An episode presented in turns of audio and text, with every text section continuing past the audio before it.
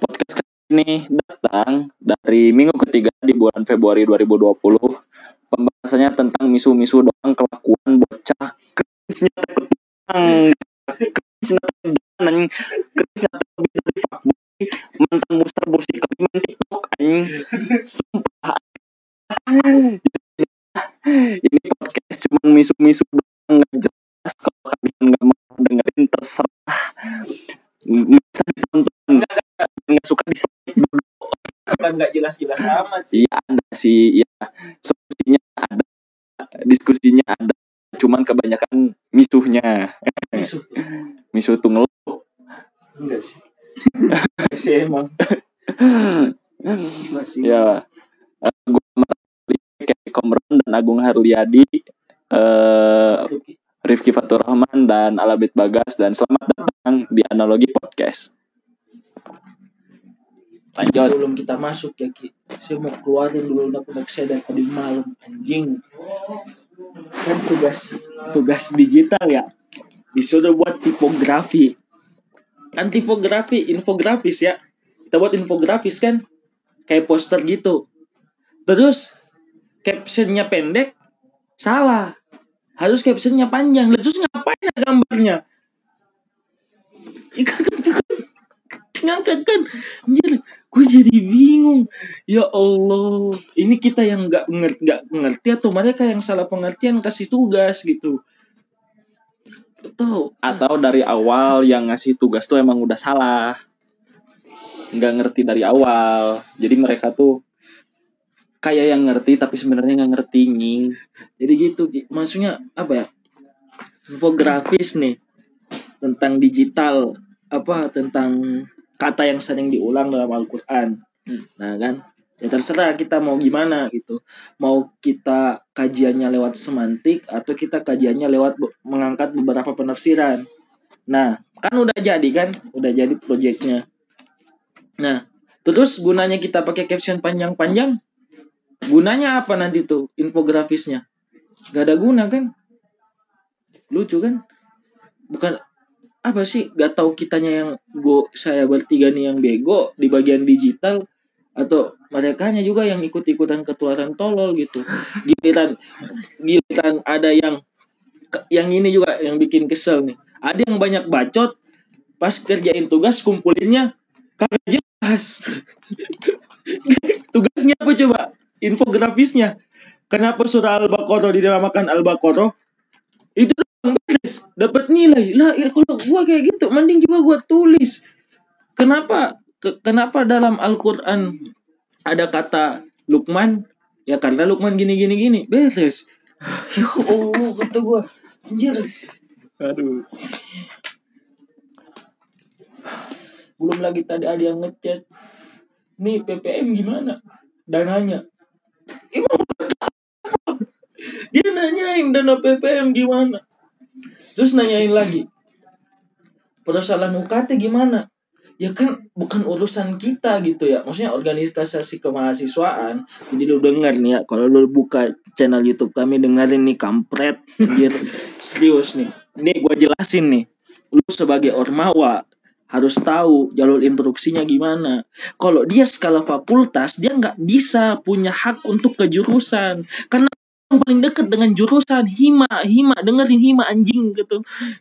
Di, disensor. Jadi dengerin tuh maksudnya. Kalau jurusan paling dekat sama siapa? Sama hima. Nah, SEMA dekat sama siapa? Fakultas. Kalau itu kita pahami, kerjaan bahkan sesuai dengan tupoksinya. Nah, jangan banyak nanya sesuatu, minta tolong ke sesuatu secara kelembagaan tapi tidak tahu tupoksinya gitu. Terus masalah UKT lagi nih. Mau dikawal UKT anak-anak. Maksudnya dikawal apanya? Yang nggak bayar UKT. Maksud saya gini loh. Ada orang nggak bayar UKT, terlambat bayar UKT nih. Terlambat bayar UKT karena nggak bisa bayar pada waktu itu. Nanti uangnya baru ada. Dan itu memang proses lobby ya. Cuman kan kampus menawarkan kalau nggak bisa bayar dengan waktu yang sudah ditentukan selama tujuh hari atau dua minggu kan dikasih waktu kan dua minggu ya ada dua minggu kan 14 hari solusinya cuti. Solusinya cuti. Nanti kalau ada duit semester depan baru ambil ke atas. Nanti kalau udah semester 8 ambil lagi ke bawah. Itu solusi kan dikasih sama tawaran dari kampus. Nah persoalannya gini. Saya dari tataran fakultas misalnya maksudnya dari Ormawa Sema disuruh disuruh bereskan masalah itu. Sama yang ngechat tadi. Maksud gua gua punya hak apa untuk mengintervensi bagian keuangan? Ini kan masalah personal antara mahasiswa dengan bagian keuangan ya kata keuangan juga datang-datang nih si Agung datang set pak ini ada yang abang yang eh, bla bla bla bla bla bla diintervensi sama si Agungnya pasti keuangannya juga pasti ngomong lah usokap Iya, maksudnya ya kadang kan yang menjadi permasalahan kan kalau misalnya kita yang ke sana pasti kita ditanyanya ya kamu siapa gitu kan. Makan gua kemarin advokasi ngobrol sama birokrat kan gini. Saya tidak bisa menyentuh itu karena itu urusan bagian keuangan. Saya bagian kemahasiswaan. Ini ya dari wakil kemahasiswaan bilangnya gini, saya dari bagian kemahasiswaan. Cuman member apa memberikan spirit, memberikan apresiasi terhadap kegiatan-kegiatan kemahasiswaan. Contohnya dari ormawa-ormawa, maksudnya diskusi-diskusi ataupun yang bersifat pengembangan diri dari mahasiswa itu sendiri. Nah, kalau misalnya yang terlambat bayar UKT ini juga yang kedua. Kalau misalnya yang terlambat bayar UKT itu uang kuliah cuma satu orang atau dua orang, itu masih bisa di maksudnya ditambal dulu lah, dibayarin dulu. Nah, kalau yang bayar lebih 10 orang, misalnya dari setiap jurusan nih, kan fakultas kita ada 5 jurusan. Setiap jurusan ada dua orang nggak bayar 10 orang, siapa yang mau tanggung? Nggak bisa kan? Soalnya gini, saya mikirnya gini loh. Kalau kita tetap maksa untuk di lobby ke bagian keuangan, yang jadi permasalahan tuh merembet nanti. Permasalahannya bakal merembet. UKT beres dibayar. Jadi masalahnya lagi apa? KRS-nya. Masa gua ngurusin KRS-nya juga, gitu kan? Masa sih yang ngurusin juga KRS-nya terlambat? Kan nggak bisa gitu dong. Ya kalau sudah ada aturan yang ditawarkan, saya kira itu ini apa lagi? eh apa ya? Saya kira itu udah solusi yang agak baik gitu menurut saya Ki. Mar sama Labit. Kenapa saya bilang agak baik ya? Karena kampus menawarkan gitu. Kalau lu nggak bisa bayar, nggak usah dulu cari uang dulu, cuti, dapat duit, bayar lagi. Itu bagus gak? Bagus kan sebenarnya, Mbak? Daripada dipaksakan. Terus ngapain nggak dari jauh-jauh hari? Saya mikirnya kadang gini loh. Terus kenapa nggak jauh-jauh hari lu cari duit? Kalau biar bayar UKT nggak usah ngeluh kan? Emang saya harus ngurusin sampai kamu nggak dapat uang jajan tiap hari kan? Gara-gara gitu. Kan? Ini ya emang persoalan ekonomi semua orang kan berbeda-beda gitu. Saya tahu. Cuman kan kampus sudah memberikan apa ya? Itu tadi solusinya itu. Kalau belum bisa tahan dulu. Jangan dipaksakan karena merembet ke sistem gitu. Dan kampus tidak bakalan nge-DO juga kan. Cuman kan kadang kan gini menurut gua mah. Mahasiswa kadang menuntut haknya, tapi kadang tidak mikir juga gimana per- apa ya sistem itu di sistem itu dilaksa apa sistem itu udah disepakati dan sudah di dijalankan bersama dan mau digituin juga dan mau diikuti dengan kemauan pribadinya enggak kan ini kan kita berbicara kelompok loh Gua. jadi kadang apa ya ini nih pesan buat lulu semua nih yang masuk Urmawa nih. Bukan yang ekstra ya soalnya saya ekstra. Saya juga ekstra. ini nih yang kampus nih. Tai nih. Serius dah. Terutama di kampus U. Ya, enggak sih udah ada ini. Terutama yang di tempat kamp- tempat saya kuliah kampus yang inisialnya UIN yang inisialnya UIN nih UIN SGD dengerin nih lu jangan sosok kayak superhero lah anjir.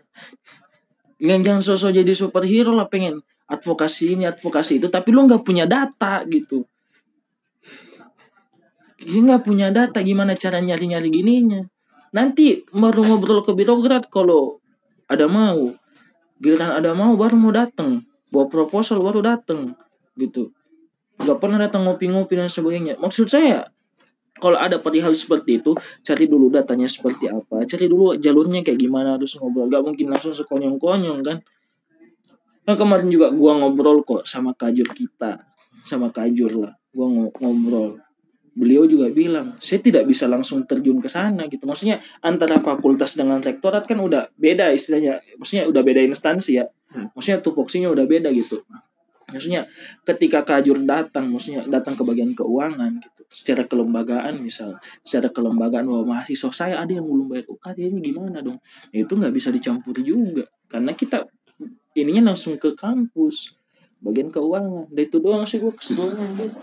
kok gue yang harus kena gue bagian advokasi di SEMA Nah gini loh, ini loh, tiap orang teh ke keuangannya beda-beda, kaliannya juga beda-beda. Cuman kieu, Hah?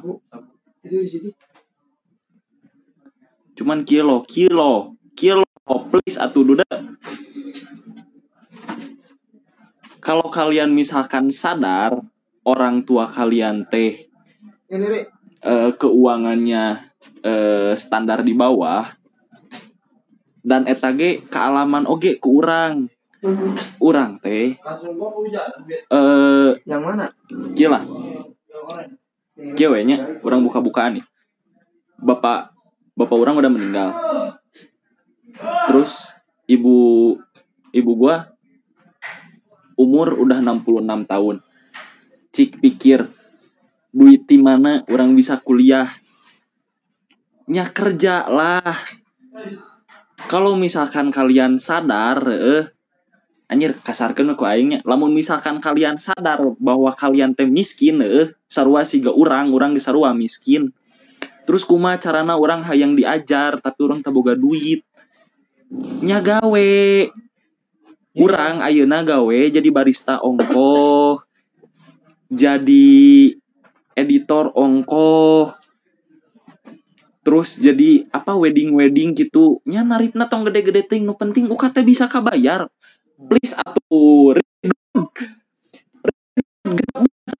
UKT ya maksud gue mah juga ya maksudnya kalau kayak gitu kan ya kan banyak udah disediain beasiswa pertama. Beasiswa udah banyak gitu beasiswa pertama nyari beasiswa. Oke lah saya agak sedikit mungkin kayak menyinggung kan misalnya kayak gitu ya masalah UKT karena mungkin orang tua saya dibilang mampu. Cuman kan ketika kita nyadar tentang tantangan yang terlambat bayar UKT itu karena perusahaan ekonomi beasiswa udah udah banyak gitu tersedia untuk mahasiswa. Yang kedua eh, prestasi gitu. Ya harusnya kita sebagai mahasiswa meningkatkan prestasi agar bisa mendapatkan itu untuk mencukupi apa yang kita butuhkan sebagai mahasiswa baik itu ilmu pengetahuan, pengetahuan, uang dan sebagainya. Dan itu juga harus kita tahu jalur-jalurnya kayak gimana. Oh, biasa kok info-info juga harus kita dapat gitu. Kapan sih beasiswa ini buka? Daftar, daftar, daftar. Saya kira ya saya kadang lebih seneng loh. Maksudnya kayak kemarin ya saya ngobrol sama siapa temen ini siapa si Apple si Apple kan teman angkatan kita kan cuti semester 3 karena nggak bisa bayar UKT nah akhirnya dia cari peluang gimana caranya dia bisa lanjutkan kuliah lagi. Dia jadi marbot masjid. Mengabdi di masjid DKM masjidnya bayarin UKT dia sampai dia lulus. Yang penting dia mau ngabdi di masjid. Kan maksudnya cari inisiatif-inisiatif begitu loh. Menurut saya kadang saya mikirnya gini yang saya mau advokasi orangnya juga jarang kuliah maksudnya. Prestasinya nggak gimana gimana juga. Ya saya ngapain juga saya kan mau mau kawal kayak gitu. Gitu saya mau kawal apaan? Gitu ya setidaknya ketika dia punya kompetensi yang bagus dan juga dia menghasilkan sesuatu ya sok gitu laporkan bilang gitu keluhannya seperti ini. Akhirnya bisa gitu. Maksudnya jangan langsung ke SEMA gitu. Ada dosen pembimbing. Dosen pembimbing kan itu cepat curhat ya. Hmm. dosen pembimbing. Saya ingat adik sepupu saya tuh waktu apa dia kayak broken home lah kayak gitu dia nggak bisa bayar UKT pada waktu itu di di Makassar. Ya inisialnya UIN juga UIN Makassar UIN MKS nah dia nggak bisa bayar UKT dia udah udah kerja cuman nggak mencukupi gajinya. Dia curhat ke dosen pembimbingnya akademiknya. Dosen pembimbingnya bilang kayak gitu butuh berapa uang? Kayak gitu. Maksudnya cari dulu jalur-jalur yang bisa membantu dengan kita buka komunikasi gitu. Maksudnya dengan kita berkomunikasi dengan secara apa ya secara terstruktur gitu. Pertama kita mas satu mahasiswa. Satu mahasiswa paling dekat sama siapa misalnya? Secara kelembagaan. Oh dosen pembimbing. Setelah dosen pembimbing siapa? Misalnya ke ormawa. Ormawa kampus intra gitu. Dari intra bisa membantu. Nah atau enggak kan kalau misalnya dari dosen pembimbing akademik kita udah ngobrol pasti dosen pembimbing akademik adalah narasi-narasi yang keluar. Emang butuhnya berapa UKT-nya kategori berapa gitu. Nanti bapak bantu setengah nanti kamu cari yang setengah. Bisa jadi kayak gitu kan. Ya hari ini kan banyak sih kan banyak sekali gengsinya kayak gitu. Aduh gini loh. Gini loh. Bodoh oke lah. Ya oke lah bodoh boleh. Cuman jangan goblok gitu maksudnya. Nya kie kie nya kie nya. Kalau misalkan eh kalau misalkan kalian tahu bahwa orang tua kalian tes semester sekarang belum bisa bayar UKT ya kerja. Kalau kalian gak mau disebut bodoh. Tapi kalau kalian gak kerja bodoh. Cari uang buat bayar UKT ya cari uang sendiri jangan ngandelin orang tua terus. Kerja. Kerjaan cuman tiduran doang di kosan. Tak terus kalau kalian misalkan gak mau kerja ya ngandelin orang tua doang oke nggak apa-apa. Cuman ketika nanti orang tua kalian gak bisa bayar UKT pas waktunya dan kampus menawarkan oh ya udah kalau misalkan kamu nggak bisa bayar UKT ya kalau kamu nggak bisa bayar UKT udah cuti dulu. Hmm. dan itu teh harus diterima sama kamu yang nggak bisa bayar UKT ya inget nih dan jangan apa ya ta dan jangan goblok. Jangan goblok di sini tuh ya. Oke di di kampus ada apa? Ya itu apa? Lu ad- advokasi? Hmm. apa disebutnya? Ya advokasi. Apa ormawa? Sema Ah, ya SMA. ya pokoknya ada organisasi yang sering ngobrol ke fakultas dan jurusan minta tolong ke dia. Ya minta tolong ke si Agung. Maksudnya dewan. Iya. Ya masuknya Dewang Dewang. Terus minta tolong ke si Agung ya. Tolong dong saya nggak bisa bayar UKT gini loh. Gini loh yang jadi masalahnya. Setiap orang tuh punya masalahnya masing-masing. Dan setiap orang setiap orang itu nggak akan eh, bisa atau tidaknya bisa jadi superhero itu. Gimana ya jelasinnya ya? Ya gini lah anjing. Aing saking ku nafsuna anjing kesel bisa jangan maksa-maksa orang ya. Biar jadi superhero ngerti nggak?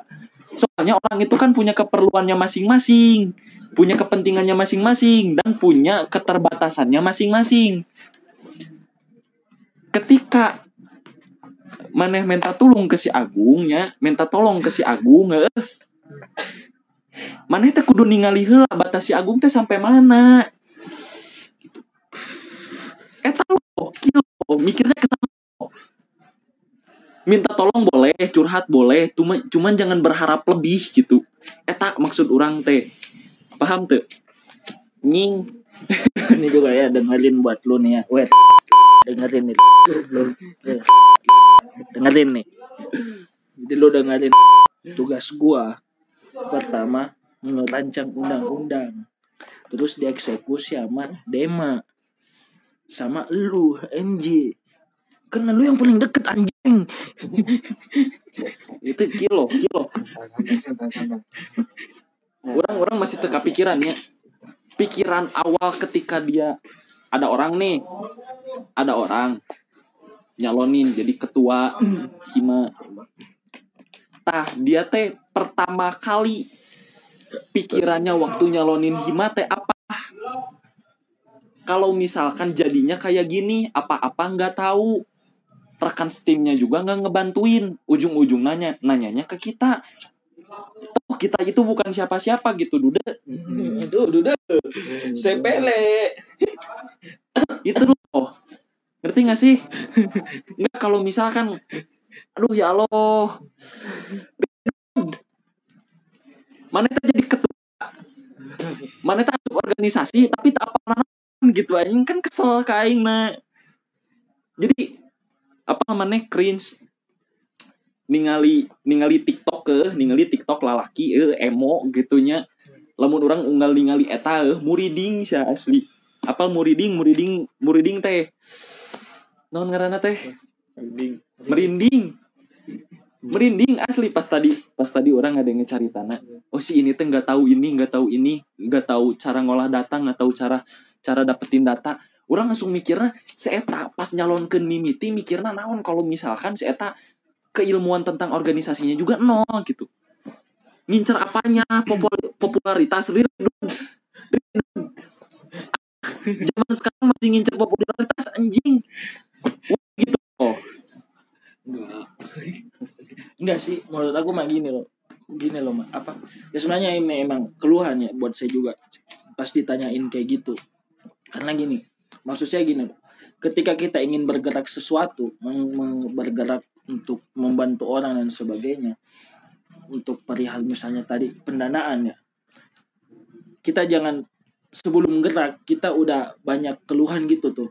Kan yang yang yang ditanyain juga sama kamu tadi kan Ki sama si kan yang nanti dikat kan ya iya kan Jangan jangan. jangan kebanyakan ngomongnya ntar gue capek pak ngeditnya pas dia tadi curhat ke kamu juga gimana minta bantuan dan sebagainya kan? Dia kan belum gerak sama sekali. Oh itu jangan jangan dimasukin ke curhat bung. Karena itu bagian dari apa namanya pendekatan politik. iya sih emang maksudnya tapi kan emang dia maksudnya ini beliau ya pangersa gitu kan. Dia kan belum gerak sama sekali kan masalahnya kan di situ. Maksud saya gini loh sebelum kalau kita belum bergerak kita belum tahu lapangan seperti apa jangan dikeluhkan dulu. Jangan menganggap sesuatu ketika kita sentuh ke ranah ke sana itu adalah suatu hal yang mengerikan. Padahal sebenarnya kita bisa bersahabat. Padahal kayak kemarin kita buat podcast dengan beberapa birokrat juga kan enak kan? Maksudnya ya saya buat podcast bersama Aman sama Alabit ke beberapa birokrat enak gitu. Ternyata beliau-beliau juga bersahabat loh. Nggak jahat birokrat itu nggak jahat sama orang tua. Lau kan suka ngobrol nih sama orang tua nih di rumah nih. Yang ngelahirin lu ya yang ngebiayain lu ya. Kan suka ngobrol sama. Itu kalau lu ngobrolnya baik-baik ke sana ajakin ngobrol ajakin ngopi mereka juga welcome. Lu aduh jarang ngobrol sama orang tua sih. Mainnya mainnya nongkrong aja di kafe diskusi sama itu itu aja baca buku kagak wawasan stuck di sana aturi. Ya sih menurut kamu sih gimana gitu? Maksudnya kan oh, permasalahannya kan titiknya kan di situ. Ketika organisator itu pengen gerak tapi belum men- bukan sih dia pengen gerak tapi ketik selalu terngiang-ngiang gitu. Oh nanti kayak gini oh nanti kayak gini. Belum gerak udah ngelapor gitu. Udah ngeluh. Kan salah sebenarnya. Maksud saya gini. Eh jalani dulu. Nanti kalau ada masalah report gitu. Nanti kita bareng-bareng selesaiinnya. Gimana jalur-jalurnya? Setidaknya kita udah paham lapangan dulu. Kan kayak gitu maksud saya mah. Ya kan yang terjadi hari ini kan sampai eh, dia datang ke ente kan belum ada gerakan sama sekali. Ini kayak gimana sih? Ini kayak gimana sih? Kok nggak dikasih seharusnya? Kan ini yang seharusnya fakultas yang kasih dana kayak gini kayak gini. Itu mah nggak apa ya ngeluh di belakang iya. Tapi pas mau gerak takut gitu.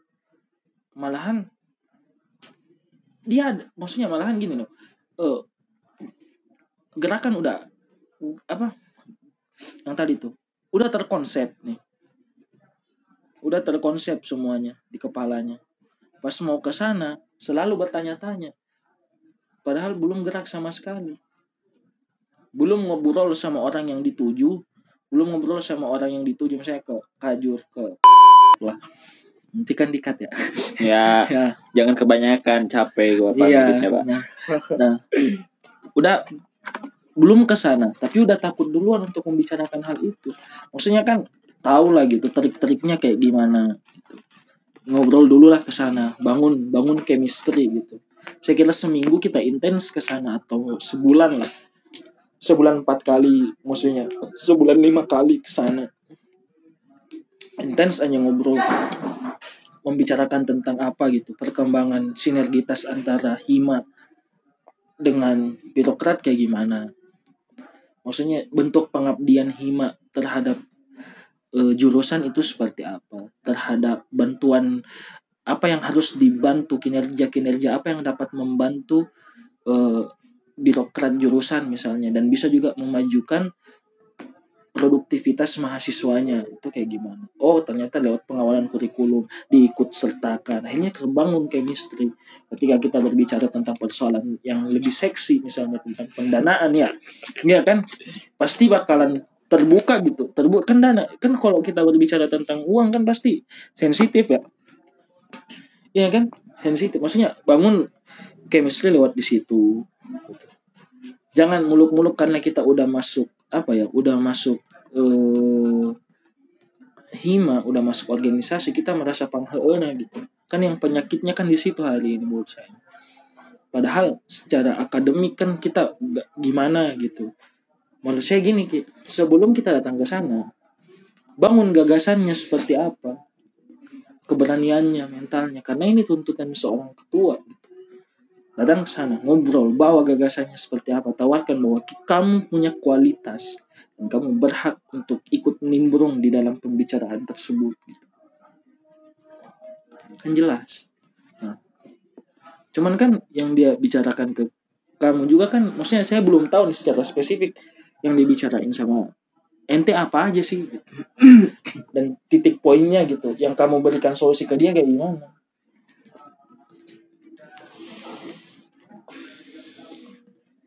sebenarnya ada dua pembicaraan kemarin itu ya itu mah suarana letik ini.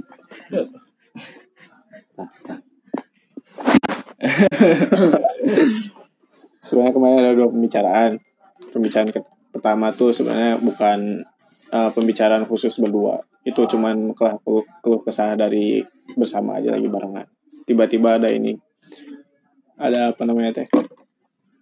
Ada pertanyaan bagaimana dana PPM gitu kan. Nah, akhirnya dibahas lah lebih lanjut tadi.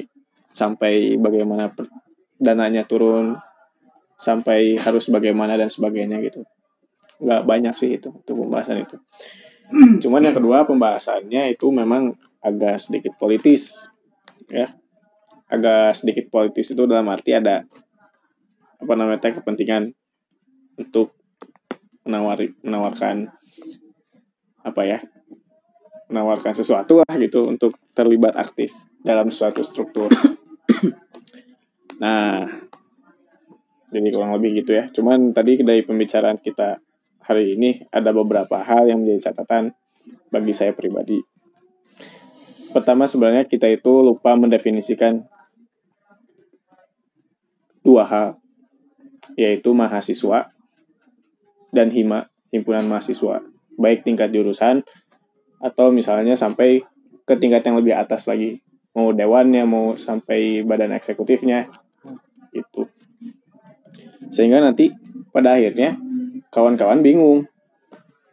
Jadi bagaimana menggerakkan eh, himpunan mahasiswa itu baik di tingkat jurusan atau tingkat yang lebih atasnya lagi? Kan gitu kayak gini lah. Jangan sampai nanti ada kayak gini. Eh bahwa fungsi dari eh, himpunan mahasiswa itu adalah ciri khas yang telah terbangun berdasarkan kebudayaan yang telah lalu jadi kalau misalnya suatu jurusan yang udah ciri khasnya bikin event-event apakah itu akan menjadikan pegangan untuk eh, apa namanya teh saudara dan teman-teman semua untuk menjalankan roda organisasi itu Hmm. kan tidak demikian Hmm. perlu ada penjelasan lagi bahwa apa fungsi mahasiswa apa fungsi dari himpunan mahasiswa sehingga nanti kalau misalnya ada kejadian-kejadian kayak UKT tadi kalian tahu ranahnya di mana harus bergerak jadi kalau misalnya ada orang yang ngeluh ke saudara misalnya sebagai anggota atau misalnya sebagai orang yang aktif di struktur dari kepengurusan ya kalau misalnya itu bukan ranah kalian ya udah biarin aja. Nggak usah ribet-ribet untuk harus saya harus bagaimana? Saya harus bagaimana? Nggak usah kayak gitu juga. Jadi kalau misal kalau misalnya udah kalian uh, beres mendefinisikan apa itu mahasiswa apa itu uh, himpunan mahasiswa. Kalian akan jelas dalam menjalankan tugasnya.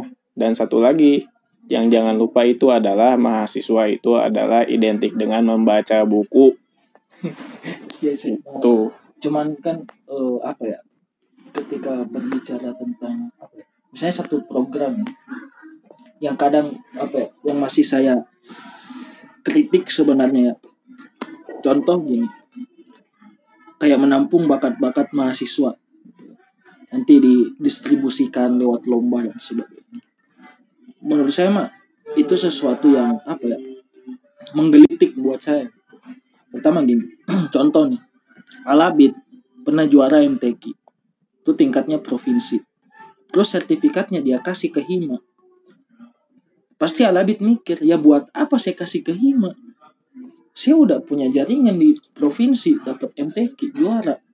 Ngapain saya kasih ke Hima buat didistribusikan? Emang saya nggak punya kekuatan di luar untuk dikasih ikutan lomba? Pasti ada dong. Kan pertama itu kita selalu merasa paling heeh nah, paling iya gitu. Oh HMJT ya gitu kan.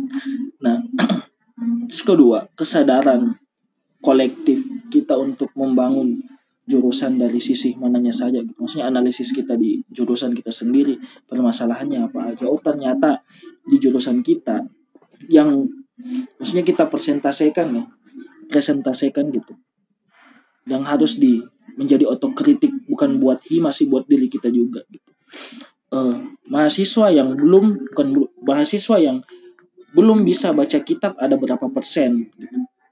kita analisis secara kuantitatif mahasiswa yang sudah baca bisa baca kitab ada berapa nah problemnya kenapa bisa ada yang tidak bisa baca kitab Nah, kenapa bisa ada yang belum bisa? Kalau belum bisa kan bukan berarti dia tidak bisa sampai sampai akar-akarnya, tapi dia bisa baca kok, cuman nggak semuanya gitu. Nah, solusinya dihadirkan sama Hima misalnya karena dia yang paling dekat, dia berada di tengah-tengah, dekat dengan mahasiswa karena dia juga mahasiswa dan dekat dengan birokrat karena dia sah secara kelembagaan untuk datang ke birokrat kan.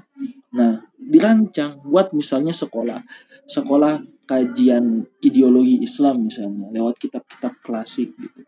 Sekolah eh, sekolah alat misalnya ngaji nahu pelan-pelan sekolah bahasa misalnya language ada language center gitu. Language class yang dibuat oleh Hima misalnya. Kan itu itu itu event sebenarnya juga kan. Tapi kan lebih mengarah kepada apa yang sebenarnya dibutuhkan oleh mahasiswa di jurusan itu sendiri. Ya kan? Jadi apa eh, sehingga kita nggak pernah di ini ya apa ya yang pernah saya ada tuh blognya Nagi Ate bilang bilang gini saya kuliah di AT saya diajarin ini itu ini itu ini itu sama dosen gitu kan. Tapi pas saya buat skripsi saya ujian munakosa saya dimarah-marahin. Karena referensi saya kitab terjemahan. Kitab terjemahan kata dia. karena referensi saya kitab terjemahan. Yang men- siapa yang salah di sini? Mahasiswanya yang tidak mau belajar di luar? Atau dosen yang cuman tugasnya ngasih pengantar doang? Kan? Solusinya harus ada di sini karena posisi hima ada di tengah-tengah gitu. Dia harus menghadirkan solusi buat sekolah-sekolah sekolah penulisan kayak gimana. Cuman kan gini ki. Yang waktu saya pernah jadi anggota di hima kan yang kadang saya bukan emosi siapa ya bukan merasa apa ya ada yang kurang gitu kadang anak hima mikirnya gini karena saya yang buat acara karena saya panitia ya ngapain saya ikut jadi peserta? Ada gengsi gitu. Kayak kemarin gini karena saya dari bidang PNI pengembangan nalar intelektual ya di Hima. Mau ngadain sekolah ketafsiran gitu hazana ketafsiran. Yang jadi panitianya nggak mau jadi peserta padahal saya saya juga pengen jadi peserta saya sadar diri kok persoalan tentang baca kitab saya apa ya bisa enggak bisa enggak gitu. Karena persoalan kosakata persoalan kaji nahu juga belum terlalu mendalam. Padahal sebagai seorang mahasiswa yang kuliah di jurusan pemikiran Islam itu adalah hal yang primer ya. Nah saya mau ngadain itu. Teman-teman yang jadi panitia tidak tidak mau. Karena apa? Persoalan gengsi.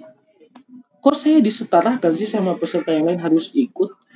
Terus saya jawab terus kapasitas kamu di mana? Kamu bisa apa gitu? Apakah semua anak hima itu udah bisa menganalisis kitab-kitab tentang Islam gitu? Khususnya tentang tafsir gitu? Enggak.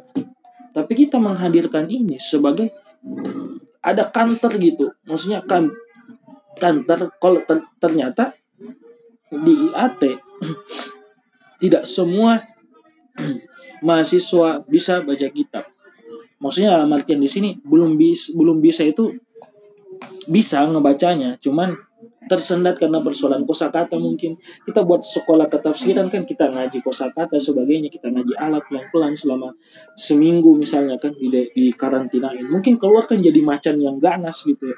nah Nah, itu yang perlu gitu.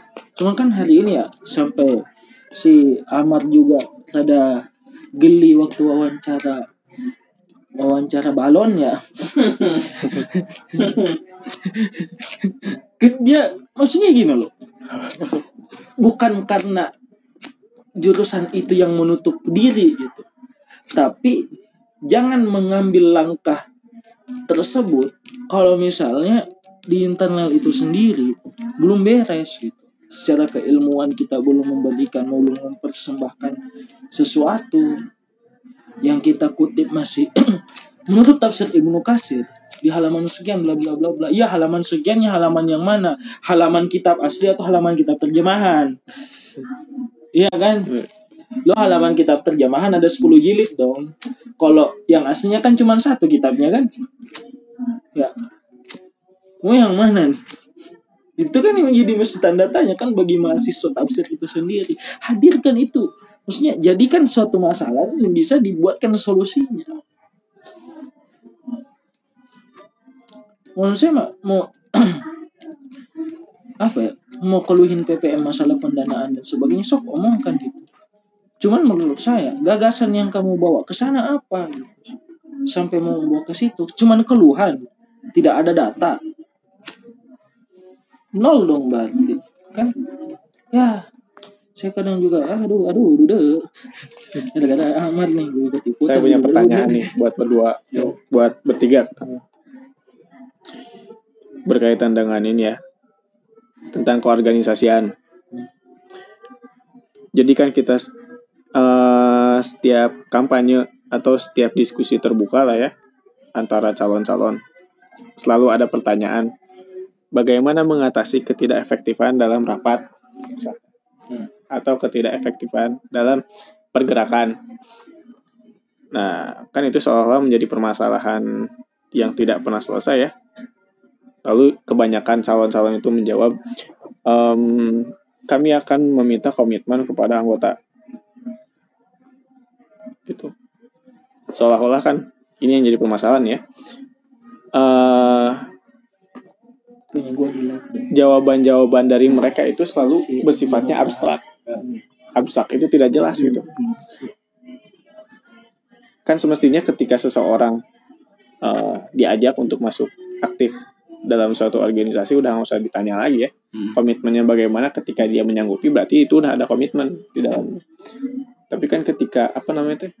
Ketika masih harus membuat komitmen lagi ini yang bingung.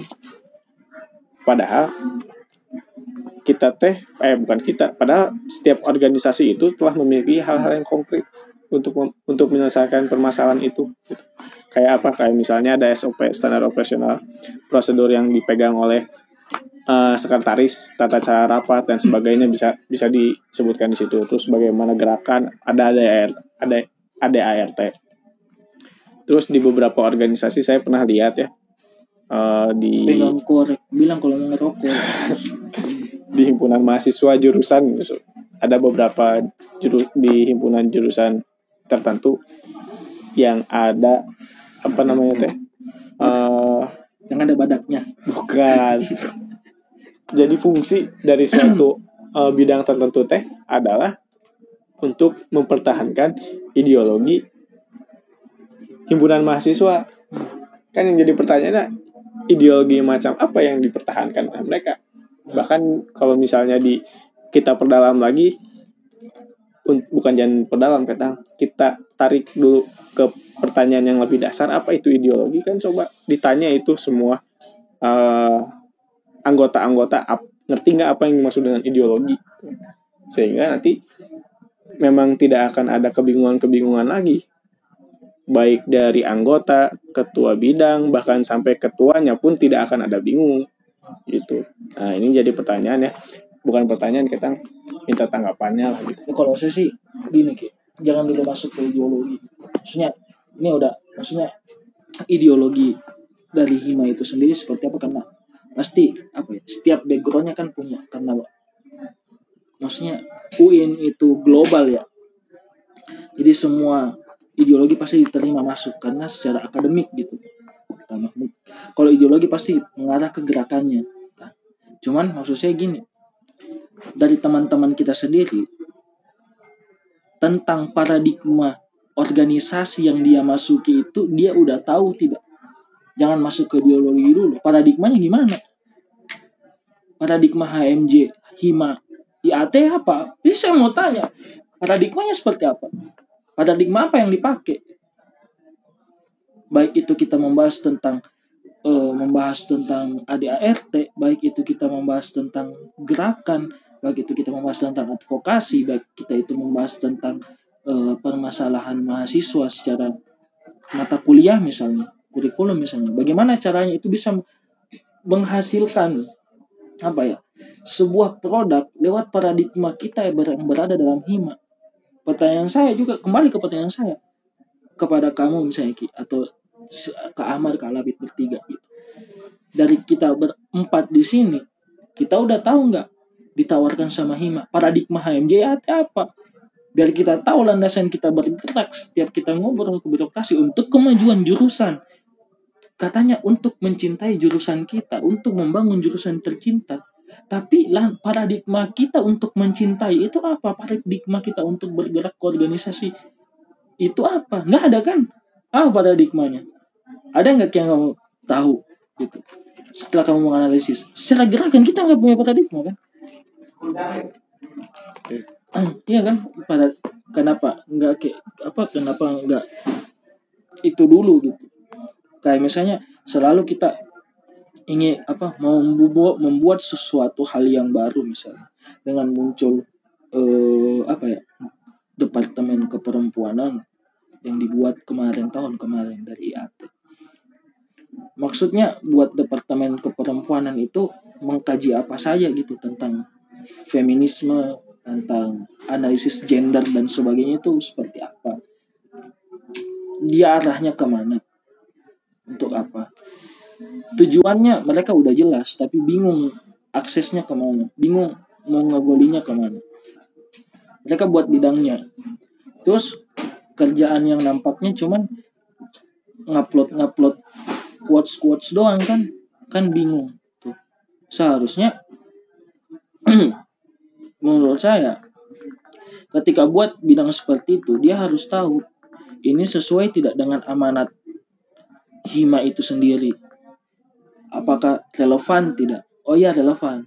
Udah jadi berarti relevan berarti nah tapi aksesnya kayak gimana? Ada tidak yang dibuat kajian tentang feminisme misalnya tiap minggu misalnya?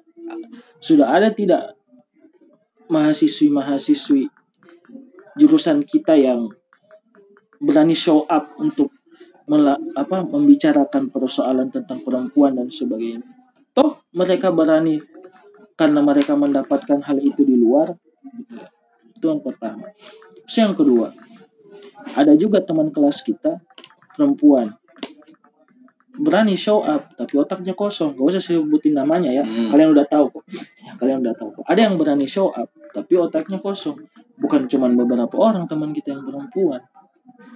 Bukan berarti saya mendiskriminasi perempuan cuman ketika dia ingin show up apa yang mereka bicarakan itu kita tidak tahu titik temunya di mana. Tidak berujung gitu. Selalu abstrak. Ibaratnya ketika eh, apa ya saya kadang bilang saya kadang mikirnya gini loh bu- bukan berarti karena kita fakultas pemikiran bukan berarti karena kita fakultas eh, fakultas apa ya pemikiran Islam muluk-muluk apa yang kita bicarakan itu abstrak semua seperti politikus. Enggak. Kan apa yang dibicarakan sama teman-teman kita hari ini kan kadang abs gak berujung. Karena oh kamu mah tidak tidak paham filsafat dan sebagainya. Padahal apa yang dia bilang? Itu tidak ada isinya. Ya kan? Kenapa saya bilang tidak ada isinya? Soalnya gini loh. Retorika oke main. Cuman ketika kita kaji lebih dalam kita tidak bisa tarik di situ. Apa yang menjadi poinnya di situ? Dari pembicaraan itu. Akhirnya apa ya? Ketika mahas apa ketika mahasiswa tidak memahami sendiri paradigma dari organisasinya dari organisasinya sendiri dari hima itu sendiri dia tidak mengetahui identitasnya apa. Identitas dia sebagai hima apa? Dia punya identitas apa? Ke keras apa ya kasarnya gini loh.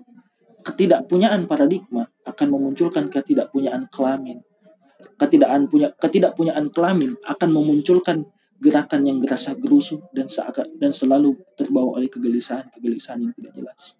Karena dia tidak punya paradigma. Boro-boro mau bicara ideologi dulu. Kalau paradigma kagak jelas mah udah gitu. Soalnya pak ideologi kan kita punya masing-masing ideologi gitu. Cuman maksud saya gini loh. Di dalam satu organisasi coba gini loh mas saya kadang ter- karena saya suka rada suka anime gitu sama Ahmad juga suka anime. Saya tadi ngobrol sama Ahmad tentang anime. Kita banyak belajar kehidupan tentang anime kan? Sama organisasi juga. Saya kadang mikirnya gitu. Coba kita abstraksikan bahwa kapal Sani apa kapalnya si Luffy gue? Sanigo. Sanigo. Itu adalah jurusan. Dan di dalam jurusan punya beberapa perbedaan tujuan gitu. Tapi kan coba lihat si Luffy si Sanji apa si Sanji Zoro Chopper Nami kan dia punya tujuan masing-masing. Tapi satu kalau sampai Luffy terluka kita yang maju. Bisa nggak kayak gitu? Belum ada kan? Mereka punya paradigma mereka jelas gitu maksud. Santuy tapi oke gitu. Ketika mereka dikumpulkan dalam satu kapal udah. Jelas gitu. Kalau jawaban saya mah gitu sih Ki. Ya gak usah terlalu jauh ke ideo bukan terlalu jauh sih gak usah ke ideologi dulu. Kita nggak punya paradigma. Sebenarnya tadi ngebahas ideologi itu karena memang ada tertulis di fungsi dari salah satu departemen aja sih. Jadi makanya itu saya bahas. Mungkin kan bodoh-bodoh kan bahas itu kita paradigma kagak punya dong. Menurut saya mah gitu apa ya? Ketika organisasi ketika organisasi atau mahasiswa yang masuk masuk organisasi tidak memahami paradigma maka akan mengakibatkan ketidakpunyaan kelamin tidak kepunyaan identitas. Ketidakpunyaan kelamin dan ketidakpunyaan identitas akan memunculkan gerakan yang gerasa gerusu dan memunculkan banyak kegelisahan kegelisahan. Dan mereka bingung. Itu sebab nggak punya paradigma. Kia kia orang mau jauh-jauh ke ideologinya. Terus tadi ge bahasana berat pisan kurang ge nyerna kene ya tanya. Cuman orang mah ngasih contoh kasus we nya Iyalah. eh tadi pertanyaan anu dilempar ku Rifki tadi misalkan anu rapat yang tidak bisa dikondisionalkan terus minta dari komitmen lamun orangnya orang 12 tahun organisasi dan setiap orang jadi ketua di awal pertemuan orang selalu ngomong kia maneh memilih orang jadi ketua berarti maneh siap dengan resiko-resiko anu bakal ku orang lontarkeun karena setiap keputusan pasti ada resikona. Tah resiko marane anu geus milih orang sebagai ketua wayahna kudu ditarima. Nu kahiji lamun misalkan rapat garandeng teu kondusif mangga anu garandeng luar urang mah kajian teuing eh misalkan di suatu acaranya orang keur bikin acara orang mah masih milih sedikit orang tapi kondusif daripada banyak orang tapi terkondusif jangan sampai kayak ku orang disentak maneh baper terus mau asup organisasi. Kajenting di awal maneh lamun teu siap jeung urang kontra jeung urang mangga keluar teu kudu urusan organisasi. Masalah engke acarana sukses atau henteu misalkan acarana sukses ya maneh anu teu jadi panitia hayang ngakukeun we eta acara urang euy sukses teu jadi masalah urang mah. Asalkan maneh teu ngaganggu urang. Tah gitu. Tah terus. Ciga anu tadi diomongkeun ku si Agungnya masalah One Piece ya sebenarnya anu kurang perhatikan tiba heula nepikeun kayeuna boh eta jurusan boh eta fakultas boh eta himpunannya. Mereka teh melupakan dasar-dasar di organisasi. Orang mau ngajamin ketika kurang tanya nya barudak kima sok kurang tanya kieu. Sok eh sebutkan pengertian organisasi organ danisasi mau apa aya di dasar ti organisasi naon? Watch planning organizing aktual controlling sok tanya ka barudak kima. Moal arapaleun tah jadi maranehanana teh asal masuk asal masuk asal masuk tapi nggak mau ngegali lagi nggak mau baca buku lagi gitu. Nu jadi masalahna eta. Ketika maranehanana misalkan apal organisasi teh naon apal kuat teh naon tah ujung-ujung nah kita sambungin lagi ke One Piece kurang sebutkan hiji-hiji. One Piece kaptenna Monkey D. Luffy nya tujuanna naon? Tujuanna hayang jadi eh, raja bajak laut. Roronoa Zoro hayang jadi pendekar pedang terkuat di dunia. Sanji hayang manggihan lautan all blue. All blue teh jadi semua jenis ikan teh aya kabeh di dinya jang dinaon jang dipasak soalnya manehanana koki. Karena lu. Nami diversiin. nami teh hayang ngagambar peta seluruh dunia. Digambar nami. Robin hayang neangan sejarah-sejarah abad kekosongan. Chopper hayang jadi dokter terbaik. Brook hayang jadi musisi. Frankie sebagai eh, naon? Montir. Montir tukang kapal. Sadi hiji sa Cuma eh, Usop usuk. hayang jadi lalaki anu diakui kesatria kesatria lautan. So dari semua sembilan anggota bajak laut Man Monkey D. Luffy nya semuanya punya tujuan yang berbeda-beda. Tapi di sana teh mereka teh punya satu punya satu puncak tujuan. Naon satu puncak tujuan teh? Menjadikan Luffy raja bajak laut. So jadi dari semua anggota teh semuanya punya kepentingan masing-masing, tapi masih punya satu tujuan. Jadi ketika Luffy terluka, kubabaturana ditulungan gitu. Eta gitu maksud orang maksudnya naon? Semua yang ada di kapal Sanigo tuh punya job desk-nya masing-masing. Punya kepentingannya masing-masing, tapi masih tetap ada satu tujuan di organisasi juga gitu. Boleh, tiap orang itu ada kepentingannya masing-masing. Dan semuanya orang, semua orang juga pasti ada kepentingannya masing-masing gitu. Tapi masih ada satu tujuan gitu. Tujuannya naon? Misalkan mengharumkan nama jurusan.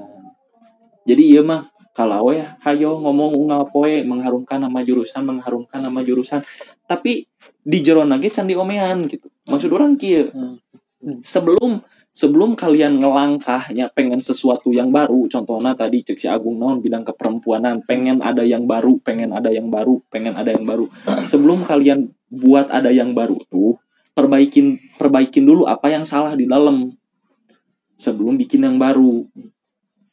Tak di per bidang tak KB tak KB hanana KB bermasalah orang nggak apa. Tak eta omean heula gitu maksud orang teh. Eta omean heula karek nyinu anyar jadi istilah nama eh aya aspal ya goreng. Diharap teh diharap teh eueuh eueuh aspal ya. Diharap teh tanah jalan teh. Tapi aspal goreng dilewat heula ah lewat heula weh urang mah nyieun aspal heula ka hareup terus ieu aspal nu tukang kumaha gitu kan tinggalin.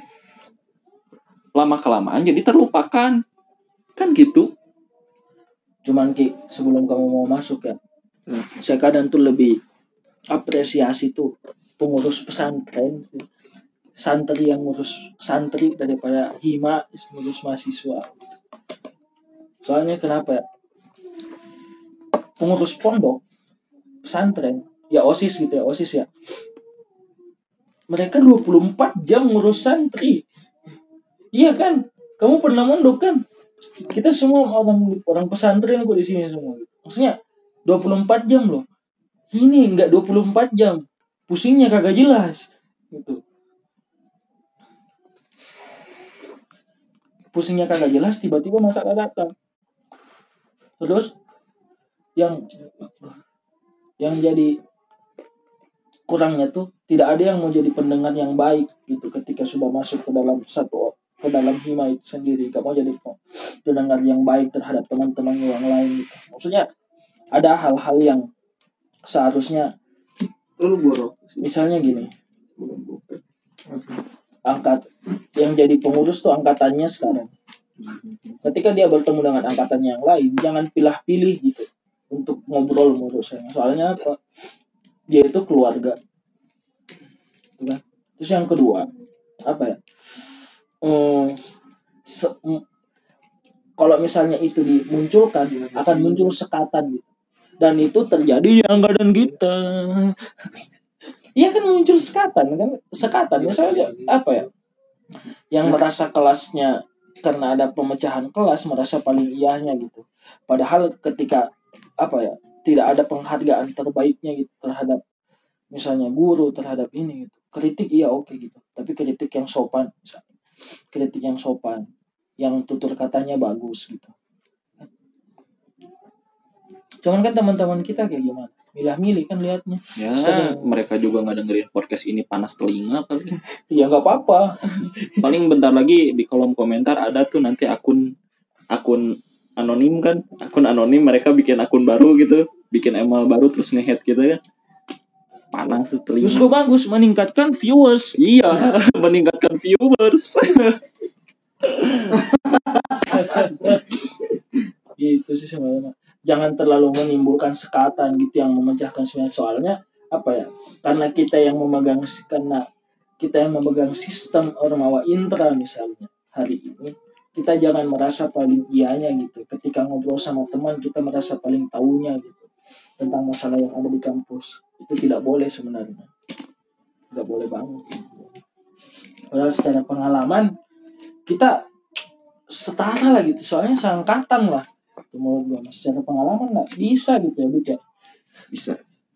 Nih, diminum dong, diminum minum dari balik nggak diminum dari agak.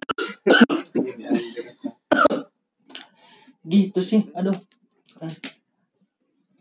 ada lagi sebenarnya yang yang lebih bahayanya lagi tuh sebenarnya dalam ketidaktahuan seluruh anggota organisasi mahasiswa termasuk tidak pengeta- tidak mengetahui tentang dirinya sendiri ketidaktahuannya terhadap dirinya sendiri itu adalah bahayanya ini nih. Jadi ada potensi yang besar pemimpin mereka itu menjadi tunggangan kepentingan tertentu- oh itu terlalu politis dong ya itu memang kan sampai bahkan maksud maksud saya tuh sampai orang yang tidak tahu itu eh apa namanya teh? Efeknya akan sampai ke sana gitu coba coba aja baik itu kepentingan politik kelompok misalnya Hmm. atau kepentingan eksistensi pribadi misalnya kan akhirnya itu jadi tung- tunggangan kelompok juga terus ada istilah gini lah di beberapa universitas itu ya. Kalau misalnya anak netral yang megang itu rasanya akan garing karena tidak akan ada rasa, tidak akan ada dinamika organisasinya. Baik dari event, baik dari apa namanya teh responsif terhadap permasalahan kampus. Gitu kan. Nah, itu juga yang bisa dijadikan sebagai apa namanya teh permasalahan juga ketika ada di jurusan kita gerakan-gerakan anti ekstra.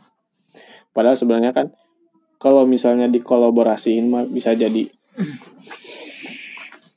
jurusan gerakan Ya, jurusan itu akan semakin semakin apa ya semakin terbentuk lah. Kalau kata Tan Malakama kan terbentur terbentur terbentur terbentuk.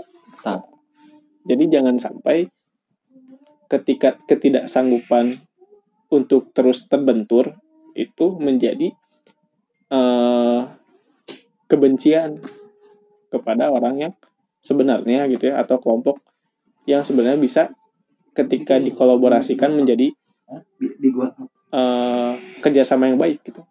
Betul saudara Amar? Dangu. Soalnya ini siapa? Dan itu yang menjadi kebutuhan sebenarnya di era sekarang gitu. Bahwa jangan selalu menganggap bahwa antara A dengan B itu bermusuhan coba kita adakan dialog gitu. Boleh jadi gerakan kita hari ini bisa dikolaborasikan untuk mencapai yang namanya kesempurnaan misalnya boleh jadi kayak gitu. Dan saya sangat suka sekali dengan Persis sebenarnya Persis yang sering mengadakan dialog antar mahasiswa kan. Dan itu perlu banget loh. Soalnya apa? Karena di era sekarang kalau kita tidak apa ya tidak melakukan dialog terbuka kita tidak akan mengetahui gitu kelebihannya dari A seperti apa. Dan dan apa ya dan saya me- bukan menjamin sih dan saya yakin gitu. Ketika kita sering mengadakan dialog terbuka seperti itu kecintaan kita terhadap organisasi yang kita masuki bakalan tetap ada dan terus meningkat ya kan? Karena dialog terbuka itu. Iyalah siapa yang nggak mau datang? Ini saya membawa nama dong. Saya tidak boleh kalah dengan kalian. Tapi kita tetap apa ya diskusi dengan eh, apa ya dengan sangat etis gitu berbicara dengan bahasa sopan gua kasih rekomen rekomendasi ya buat kamu ya. Jadi gini Reza. Anjing. Jadi dengerin tanya Reza dengerin tah.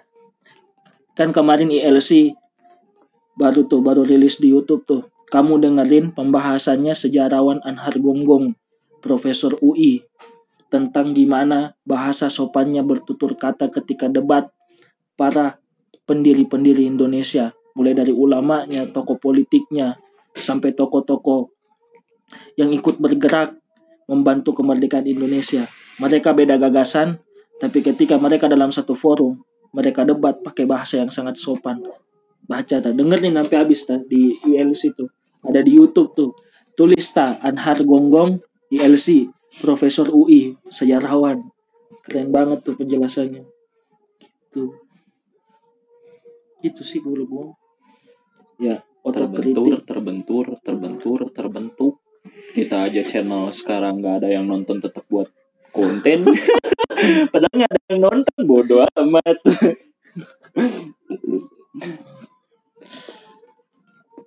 gitu apalagi beres nih Gitu. Oh ada satu lagi contoh nih. Contoh yang paling bagus nih ya. Dulu itu Soekarno pernah nulis atau berkomentar tentang suatu eh sesu merespon sesuatu di zamannya. Beliau itu nulis suatu catatan yang di, yang dikasih judul Islam Sontoloyo. Di situ banyak menyerang eh, apa namanya teh eh, praktek-praktek pemikiran-pemikiran dari baik dari eh, secara khusus pemikiran orang-orang Islam tradisional atau bahkan modern bahkan secara umumnya intinya ngeritik umat Islam ya. Cuma nanti dibalas tulisannya oleh Muhammad Nasir. Jadi Islam Sontoloyo dibalas dengan eh, tulisan lagi judulnya Islam Akal Merdeka. Jadi ketika tadi tulisan Islam Sontoloyo inti dari eh, pemikirannya adalah mengkritik tentang ketidakbebasannya akal dalam Islam di Indonesia, tapi Muhammad Nasir nanti menjadi antitesis bagi tulisan itu. Kalau misalnya baca tulisan-tulisannya ya, akan ada banyak eh, kata-kata yang sangat pedas. Jadi seolah-olah akan orang-orang yang membacanya akan eh, punya paradigma bahwa mereka itu adalah musuh bebuyutan. Tapi di suatu waktu ketika Soekarno itu di apa namanya teh dipojokkan oleh sedang terpojok, Muhammad Nasir itu bilang eh bukan hanya bilang sih tapi bahkan membela Soekarno yang ketika itu menjadi presidennya. Nah, poinnya adalah di sinilah yang ketinggian keluhuran adab dari orang-orang yang memiliki ilmu. Ketika mereka bermusuhan dalam pemikiran, tapi mereka itu tidak bermusuhan secara pribadi. Jadi yang diserang itu pemikirannya bukan pribadinya. Itulah kebudayaan yang harus ditumbuhkan baik di tingkat mahasiswa, di tingkat jurusan, mau di tingkat sampai tingkat nasional juga itu mah harus ditumbuhkan. Gitu saudara. Yo man. Udah udah udah. Udah ya segitu. Ya segitu dulu aja podcast dari kami. Eh, mohon maaf banget soalnya banyak banget kata-kata yang kasar. Ambil aja hikmahnya, jangan ambil yang buruknya. Ya segitu aja podcast dari kami. Eh, oh ya, kritik dan saran dibutuhkan. Eh, komentar aja di di kolom komentar yang ada di bawah dengan bahasa-bahasa yang sopan. Ya walaupun podcast ini bahasanya nggak sopan sih ya, cuman ya jangan diikutin lah jangan jangan diikutin yang jeleknya ikutin aja yang baiknya oke ya segitu dulu Eh, tunggu konten-konten kita selanjutnya see you next time